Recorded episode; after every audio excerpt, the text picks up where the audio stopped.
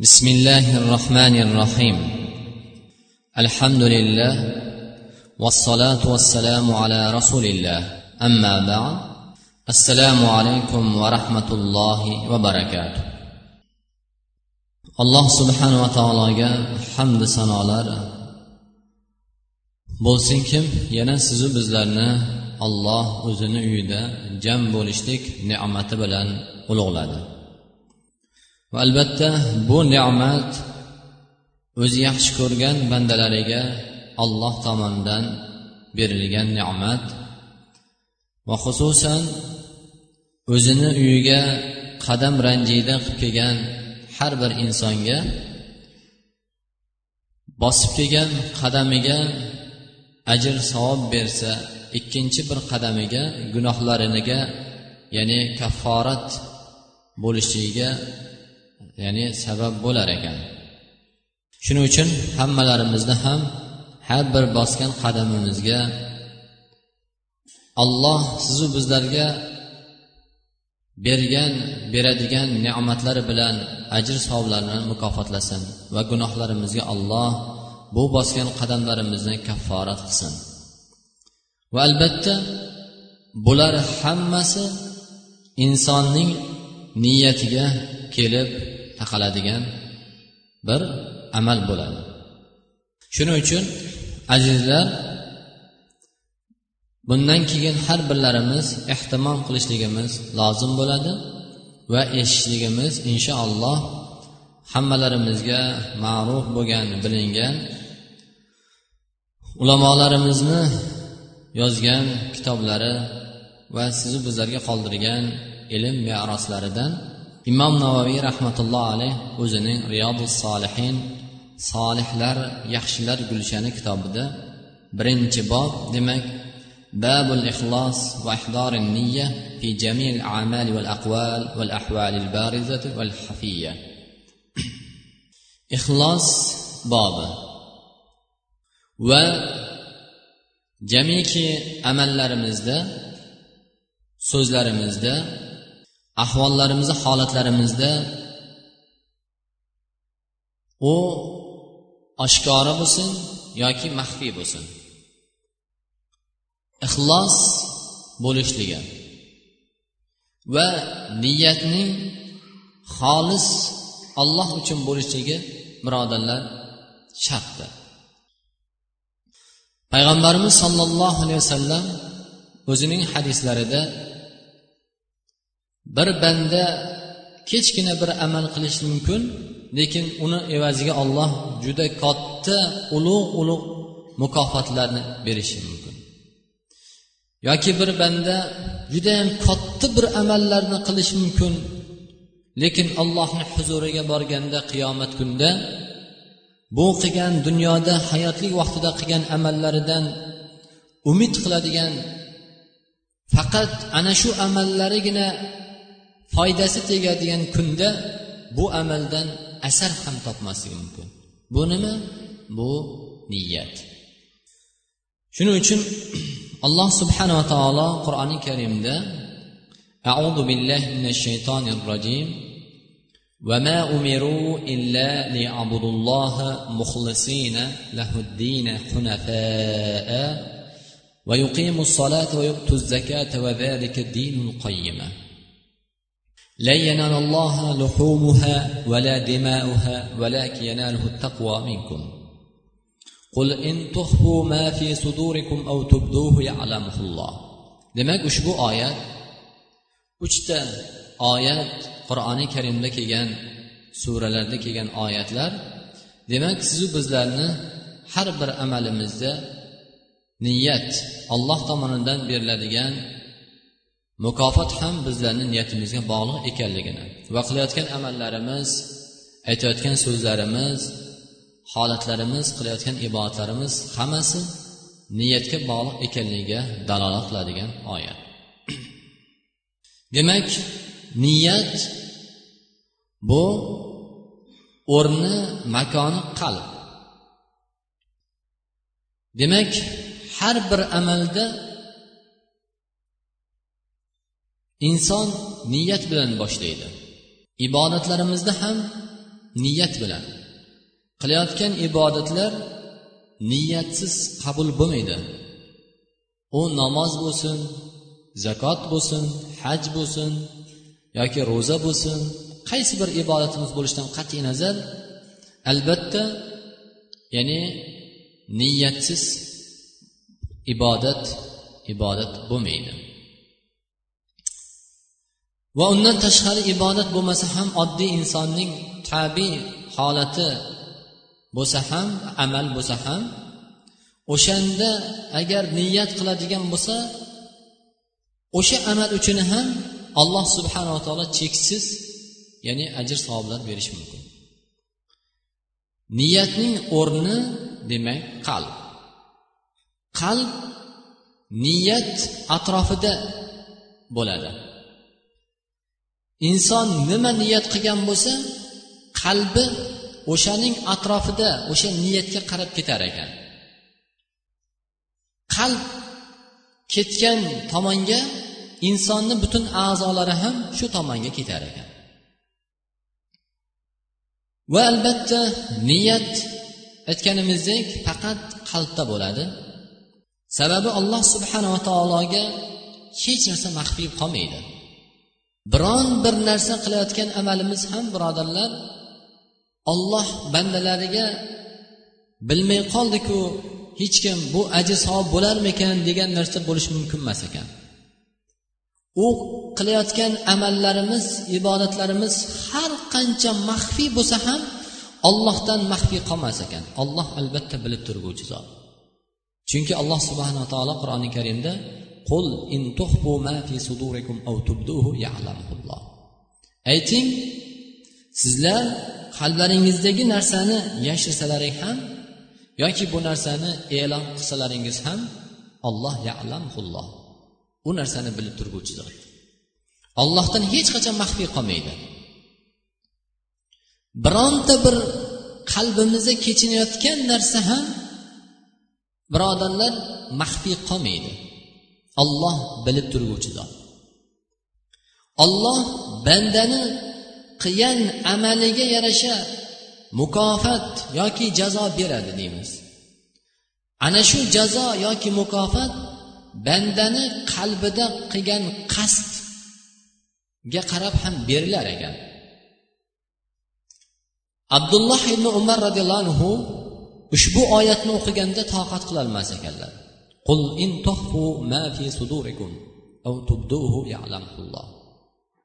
mana shu oyatga kelganda abdulloh ibn umar roziyallohu anhu ya'ni toqat qilolmas ekanlar o'qishlikka ushbu oyatni sabab azizlar bizlarni gapirayotgan gapimiz bo'lsin bu masjidga qadam bosib kelayotgan qadamlarimiz bo'lsin nima uchun kelyapmiz nima maqsadda kelyapmiz olloh bilib turadi olloh bulardan bilguvchi zot. Va ana shu qalbimizdagi niyatimizga qarab alloh subhanava taolo bizlarni bu o'qiyotgan namozimizni inna solata tanha anil fahshay val munkar albatta namoz namoz o'qiguvchisini fohish va munkar ishlardan qaytaradi degan oyatga namozimiz bog'liq bo'ladi yoki namozimiz bizlarni yuqoridagi demak oyatga xilof bo'ladi. Namoz o'qiymiz bizlarni gunohlardan qaytarmaydi. Yoki kimdir namoz o'qiydi u insonning namozi o'zini qalbida iymonning ziyoda bo'lishiga rizqining barakotli bo'lishiga va xonadonlarning fayzli bo'lishiga va solih amallarni ziyoda qilishligiga va gunoh munkar ishlardan saqlanishiga sabab bo'ladi. Bular hammasi birodarlar qalbga qaytadi. Qalbdagi narsa nima sababdan nima niyatda kelganingiz bo'lsa o'sha niyatga qarab haligi namozimiz yo u tomonga yoki bu tomonga bo'lar ekan. Shuning uchun ham inson banda har bir amalida birodarlar eng avvalo xolis bo'lishligi olloh uchun hatto birovga ming minglab pullar emas bitta non bering xolislik bilan bo'lsin. Ana shu inson bitta nonning olloh yo'lida xolis olloh uchun sadaqa qilishligi bilan insonlar ming minglab mol dunyolarni olloh yo'liga sarf qilyapman degan insonlardan ko'ra ko'proq savob olish mumkin. Sababi hammasi nima? Niyatga qaytadi. Niyat birodarlar muhim narsa. Va inson albatta har bir qilayotgan amalida ollohning roziligini umid qilgan holatda va oxiratni ya'ni bu qilayotgan amallarida so'zlarida olloh hisobsiz qo'ymasligini mukofotsiz qo'ymasligini bilgan holatda amal qilishi kerak. Chunki alloh qur'oni karimda vama umiru illa liya'budulloh muxlisina lahuddin. Hunafa va yuqimu salata va zakata va zalika dinul qayyima oyatida ular ibodatga buyurilmadi. Hammalarimiz sizu biz olloh subhanava taolo ibodatga buyurmadi. Illa bitta shart bilan. Nima? Muxlisin qilayotgan ibodatlarimiz faqat olloh uchun bo'lishligi ollohdan boshqa hech bir narsani hatto payg'ambarlarni ham birodarlar qasd qilmaslik kerak ibodatda. Faqat ollohning qasd qilishimiz kerak. Allohning roziligini topishlik uchun qilishligimiz kerak. Va ana shu amallarimizni payg'ambarlarning ko'rsatgan yo'llariga muvofiq bo'lishligini ham olloh buyurdi. Avvalo bandalarning qilayotgan amali ikkita shart bilan qabul bo'lishligi. Birinchisi xolis bo'lishligi olloh uchun birovni maqtovi yoki mol dunyo to'plashlik uchun yoki obro' to'plashlik uchun boshqa narsa uchun emas. Faqat olloh uchun. Va ikkinchisi rasululloh sollallohu alayhi vasallamni sunnatiga muvofiq bo'lishligi. Mana shu ikkita shartni birodarlar qilayotgan kattami kichkina amalimiz qabul bo'lar ekan. Shart shu ekan shuning uchun ham alloh subhanava taolo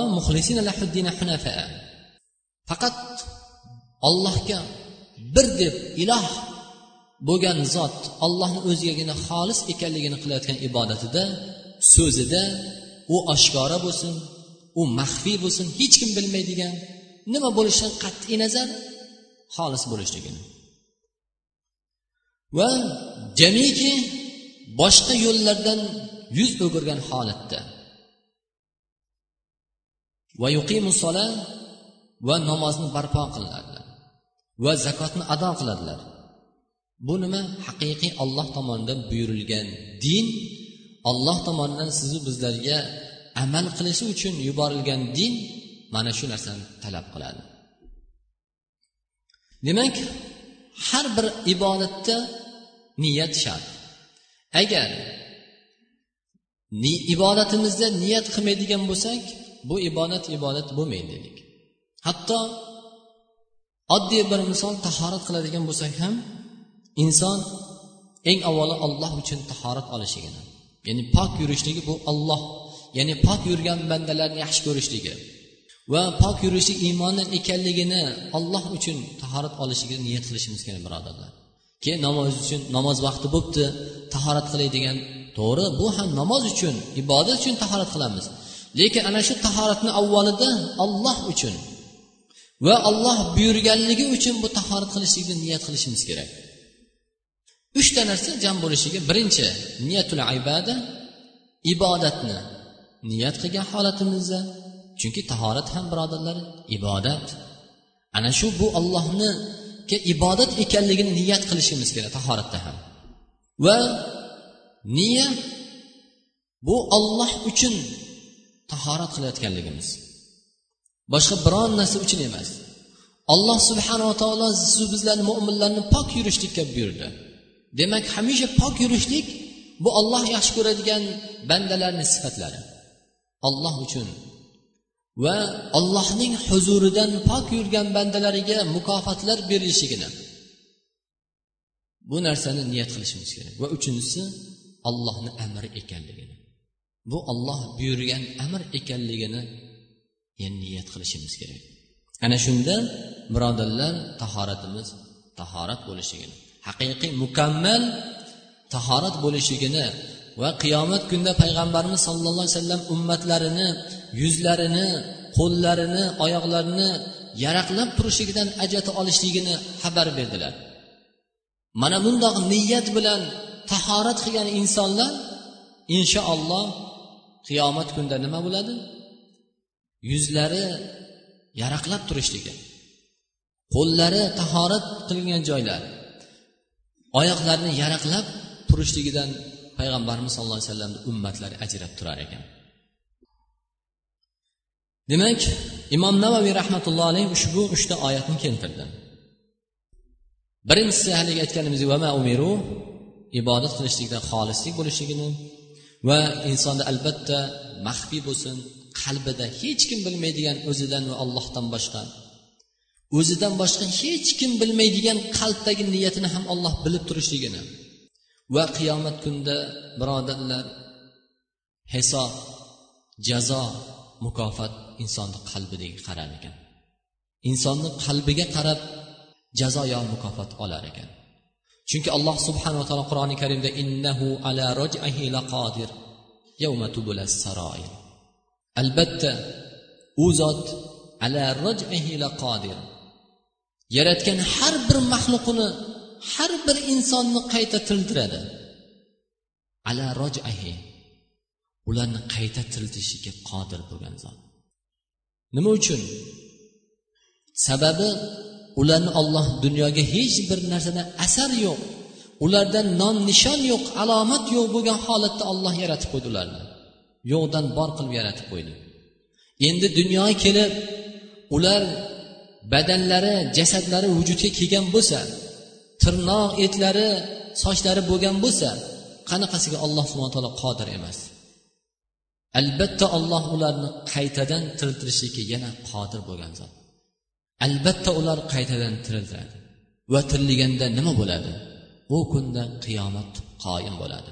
Ya'ni har bir inson o'zining qabridan yo'q bo'lib ketgan bo'lsa odamdan tortib to qiyomatgacha kelgan inson hammasi qayta tiriladi. Va o'sha kunda yavma tubula saroir. Sir hech kim bilmaydigan hech kim dunyoda ko'p insonlar juda ko'p eng yaqin bo'lgan insonlar ham bilmagan. Qalbdagi niyatini o'zi maxfiy olib ketgan insonlarni ham alloh subhana taolo qalbidagisini chiqarib endi bu kunda ularga hisob beriladi. U kunda ularni qilgan niyatlariga qarab jazo berilar ekan. Va alloh subhanaa taolo adiya surasi afala ya'lamu idza bu'thira ma fi sudur? Ma fil qubur va husila ma fi sudur. Ya'ni ular qiyomat kunida qabrdan ko'milgan har bir inson qayta tirilganda ularni sudur ularni qalblaridagi narsa vujudga keltirilganda qalbida qilgan niyatlari qalbida kechirgan fikrlari qalbidagi hamlari hammasi nima? Olloh ularni chiqaradi.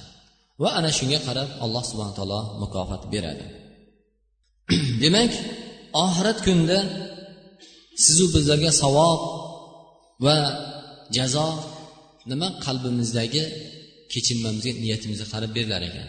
Lekin dunyoda bu yorug' dunyoda payg'ambarimiz sallallohu alayhi vasallam ya'ni men eshitgan gapimga muvofiq hukm qilaman dedilar payg'ambarimiz sallallohu alayhi vasallam payg'ambar birodarlar. Demak insonning qalbidagi niyatni kechinmani payg'ambarlar ham bilmas ekan agar olloh bildirmagan bo'lsa. Agar olloh bildirgan bo'lsa vahiy orqali payg'ambarlar ularning qalbidagi narsasini ularni fikrini qasdlarini bildirganlar. Aytganlar payg'ambarimiz sallallohu alayhi vasallam hayotlarida ko'p bo'lgan.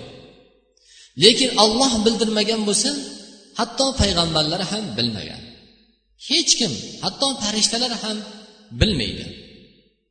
Shuning uchun ham dunyoda bizlarni tashqi ko'rinishimizga muvofiq hukm qilaveramiz. Bir odam bir gapirgan bo'lsa ha bu gapirgan gapi yaxshi gap deymiz. Bu gapirgan gapi yomon gap deymiz. Yo qilayotgan amaliga qarab ha bu bundoq ekan bu mana bundoq ekan deb biz hukm qilinadi shariatda. Lekin qalbidagi narsasini unisini o'zi va olloh biladi. Shuning uchun ham masalan taloq masalalarida lafz kinoya lafzida ishlatiladigan bo'lsa masalan bir erkak aytsaki bor uyingga ket deb ayoliga aytsa. Lekin bu erkak qalbida niyat uch taloq niyat qilgan bo'lsami yoki taloh niyat qilgan bo'lsa lekin bir odamni olimni oldiga kelib yo'q man qo'rqitish uchun aytganim desa ha bu qo'rqitish uchun aytgan ekan deb hukm qilaveradi. Lekin qiyomat kunida ana shu qalbidagi domla aytgan edi domla shunaqa hukm qilib bergan edi degan gap bo'lmas ekan. Bunga qarab hukm qilinmaydi. Chunki bu olim eshitgan bu odamni aytgan so'zga muvofiq hukm qilib berdi. Lekin qiyomat kunida haligi odam o'sha qalbidagi talog'iga yarasha jazosini oladi. Shuning uchun ham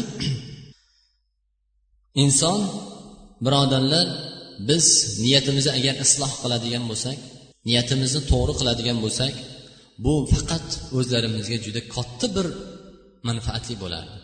niyatni naqadar ulug' ekanligini agar biz yaxshilab tushunib oladigan bo'lsak birodarlar bizlar hayotimizda ham har bir so'zlarimizda ham amallarimizda ham holatlarimizda ham birodarlar nihoyatda bir ulug' bir o'zgarish bo'ladi. Niyati naqadar muhim ekanligini bilsak. Demak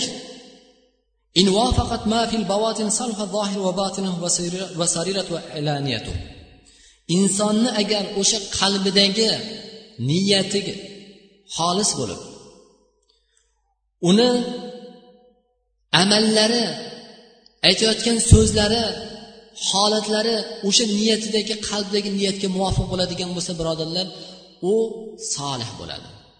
Ichi ham tashlari tashi ham amallari ham solih bo'ladi. Va aytayotgan har bir so'zlari qilayotgan amallari ham birodarlar mutaassir ta'sirlik bo'ladi.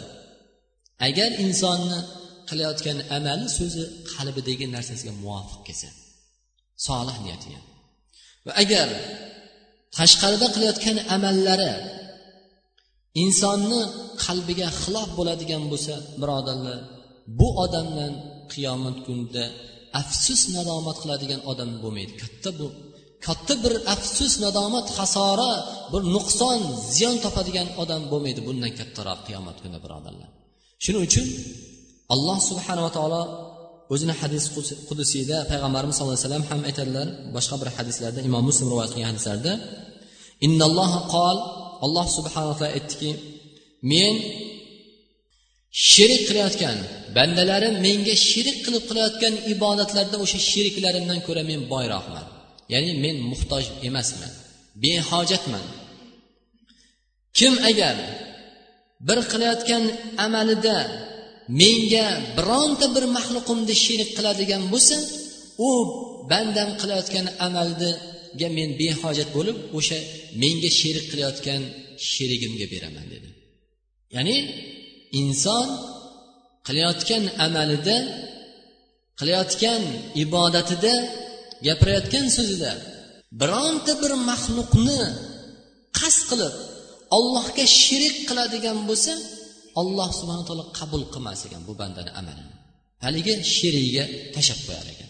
Va qiyomat kunida aytar ekanki ey bandam dunyoda hayotli vaqtingda ibodat qilding lekin xolis men uchun qilmading. Palonchi gapirmasin undoq demasin deb eh, qilding ibodatni. Endi bor o'sha odamni oldiga borgin. O'shandan savobingni topasan deb alloh subhana taolo tashlab qo'yar ekan. Birodarlar malikil muluk qiyomat kunida allohning rahmatidan boshqa hech narsa foyda bermaydigan kunda na mol dunyolarimiz na farzandlarimiz na payg'ambarlar o'zlari nafsiy nafsiy o'zim o'zim deb ollohdan ularni ham allohni rahmatini umid qilib ularni ham hisobi nima ekanligini bilmay turgan kunda birodarlar ollohdan boshqaga tashlab qo'yilsa bundan katta bir hasora ziyon bo'lmaydi birodarlar. Va albatta undan keyin bilishimiz kerakki shayton bir amal qilayotgan bo'lsak endi shunaqa ekan juda chiroyli yo'l bilan keladi. Bizlarni ilojim boricha sizu bizlarni ya'ni bandalarni mo'min musulmonlarni solih amallardan xayrli amallarni to'sishlikka harakat qiladi. Aslida bir niyat qilib bir namozga chiqaman deydigan bo'lsangiz namoz o'qiyman deydigan bo'lsangiz to'xta deydi san bu qilayotgan namozingda riyo qilyapsan deydi. San riyo qilyapsan. Boshqa har xil fikrlarni olib keladi. Odamlarni ko'rishlik uchun sen sadaqa qilyapsan. Agar bir yo'lni tuzatishlik uchun harakat qiladigan bo'lsangiz niyat qilgan bo'lsangiz shayton darhol keladida bu odamlar seni maqtashlik uchun qilyapsan bu yo'lni tuzatishlik. Shu niyatda qilyapsan degan vasvasni olib keladi. Mana shunda odam qanaqa to'xtatish kerakmi? Bu amalini to'xtatish kerak emasmi? Deganda inson o'sha odam o'ziga savol qilish kerak. Bu qilayotgan amalimdan masalan bu qilayotgan xayr sadoqatimdan bu qilayotgan masalan yordamimdan ollohni niyat qildimmi? Yoki odamlarni ko'rishlik uchunmi deydigan bo'lsa o'ziga o'zi savol beradigan bo'lsaki aytsak yo'q men olloh uchun qilyapman dedimi? Bu odam to'xtatmaslik kerak. Va albatta shayton har xil yo'l bilan sizni bizlarni solih amaldan to'sadi hatto shu amalni qilayotganingizda ham qaysidir bir undan ko'ra muhimroq ish borligini sizga ro'kach qiladi. Lekin solih amalni hayolimga keldimi darhol davom etishimiz kerak. Bu yerda riyo bo'lib qolar ekan xolislik ketib qolar ekan mukofot bo'lmay qolishi mumkin odamlar maqtasa ko'rsa degan narsani birodarlar qalbimizdan chiqarib tashlashimiz kerak. Va undan keyin la luhumuha va la dimauha taqvo minkum. Ushbu oyat demak alloh subhanava taolo ushbu oyat nozil bo'lishida sahobini oldin islomdan oldin mushriklar kofirlar biron bir jonlik so'yadigan bo'lsa so'ygan jonligini qonini go'shtini kabaga ya'ni surtashar ekan ishqashib sur tashar ekan. Kaannahu xuddi bular olloh yo'lida ya'ni jonlik so'yganini oshkora qilar va vaqtiki islom nozil bo'lgandan keyin sahobalar ham shu fikrga kelib qolishdi. Ba'zilari biz ham ulardan ko'ra haqliroqmiz. Ya'ni biz ollohni uyini robbimizni uyini ulardan ko'ra ulug'lashga biz haqliroqmiz degan fikrda bo'lib qolishdi. Mana shu vaqtda alloh subhana taolo ushbu oyatni nozil qilgan ekan. Ya'ni sizlarni so'ygan jonliklaringni na go'shti na qoni allohga boradi. Qonini ko'mib yuboramiz najas u narsani yo'q qilib va go'shtini nima qilamiz? Ahli ayolimiz bilan yor birodarlarimiz bilan tanovvul qilamiz. Nima qoldi? Demak olloh yo'lida qurbonlik qilayotgan olloh yo'lida jonlik so'yayotgan odamlar nima oladi bo'lmasa? Go'shtini o'zi yesa rohatlanib mazza qilib qonini ko'mib yuborsa alloh subhana aytdiki yo'q sizlar ana shu o'zlaring olloh yaratib bergan yaratib qo'ygan bu ne'matlari sizlarga jonliklarni so'yib yenglar. Buni xohlaganlaringcha yeb rohatlaninglar. Lekin qalblaringizdagi taqvo xolis olloh uchun so'yildimi bu jonlik yoki shirk boshqa narsaga shirk holatda so'yildi mana bu narsaga qaraydi alloh subhana taolo. Agar so'yayotgan qurbonlikda olloh xolis olloh uchun bo'lsa ollohni yuqorida aytganimizdek bu ibodatni niyat qilib ya'ni bismi ollohni ismi bilan bismillah allohu akbar deb va ollohni roziligi uchun so'yilganligini ollohni buyrug'i amri ekanligini niyat qilgan holatda so'ysa aytganimizdek bu narsani o'zimiz mazza qilib yesak ham lekin qiyomat kunida qilingan qurbonlikka olloh behisob beadad jannatdagi ne'matlar bilan mukofotlanib mukofotlanishligini payg'ambarimiz sallallohu alayhi vasallam xabar berdi. Shuning uchun azizlar bu narsa ushbu oyat bilan inshaalloh uchta oyat niyatni to'g'ri qilaylik yana aytamiz takrorlaymiz payg'ambarimiz sollallohu alayhi vasallam aytdilarki banda kichkinagina amal qilish mumkin. Imom muslim rahmatulloh alayhda imroatun bag'iya fohisha bir ayol itni sug'orib jannatga kirdi nima uchun birodarlar? Bu aytishi mumkinki bugungi kunda bitta fohisha bir it emas ko'p odamlarni sug'orib qo'yishi mumkin. Lekin bu ham jannatga kiradi degani yo'q birodarlar. O'sha chanqagan o'lim yoqasida turgan ollohni maxluqini xolis niyati xolis ekanligi sababidan alloh subhana taolo bu ummatga rahmatan bu o'tganga oldi bizni oldingi o'tgan ummatdagi bo'lgan bu holatni payg'ambarimiz sallallohu alayhi vasallam bildirdi. U zot bizga bu haqida xabar berdi birodarlar. Kichkinagina amal. Shuning uchun biz qilayotgan kichkinami bu amalimiz kattami hamma narsada agar xolislik bo'ladigan bo'lsa juda ham katta bir ajr savoblarni mukofotlarni olishimiz mumkin inshaalloh. Shuning uchun niyatni birodarlar to'g'ri qilaylik. Bir umr inson masjidga qatnab besh mahal namozga qatnab lekin qiyomat kunida hech narsa topmasligi mumkin. Nima uchun? Niyat xolis bo'lmaganligidan. Lekin inson yana sherigi bir umr qatnab ibodat qilib allohni ibodati hayotini o'tkazgan lekin qiyomat kunida jannati eng oliy darajalardan berishi mumkin. Sababi niyat birodarlar. Shuning uchun niyat muhim. Va farzandlarimizni ham qilayotgan so'zlarimizni ham birodarlar takror takror aytamiz. Fir'avn la'natulloh alayhni huzuriga askarlari muso alayhissalomni olib keldi. Shu vaqtida muso alayhissalom o'ldirishga buyurganda ayoli aytdiki fir'avn muso alayhissalomni go'dak edi holati hali go'dak edi. Buyurgan vaqtida ayoli aytdiki asiya bu chaqaloqni farzand qilib asrab olsak shoyatki seni va meni ko'zimizni quvontirsa deb aytdi. Shunda fir'avn aytdiki meni ko'zimni quvontirmaydi lekin seni ko'zingni quvontirishi mumkin dedi. Niyat so'z qarang. Haqiqatan ham so'z. Ana shu aytgan so'zlari fir'avnni aytgan so'zlari o'zini aytgandek bo'ldi hayotida. Voqe hayotida o'zi aytgan narsa bo'ldi. Bu fir'avn muso alayhissalom sababidan halok bo'ldi dengizda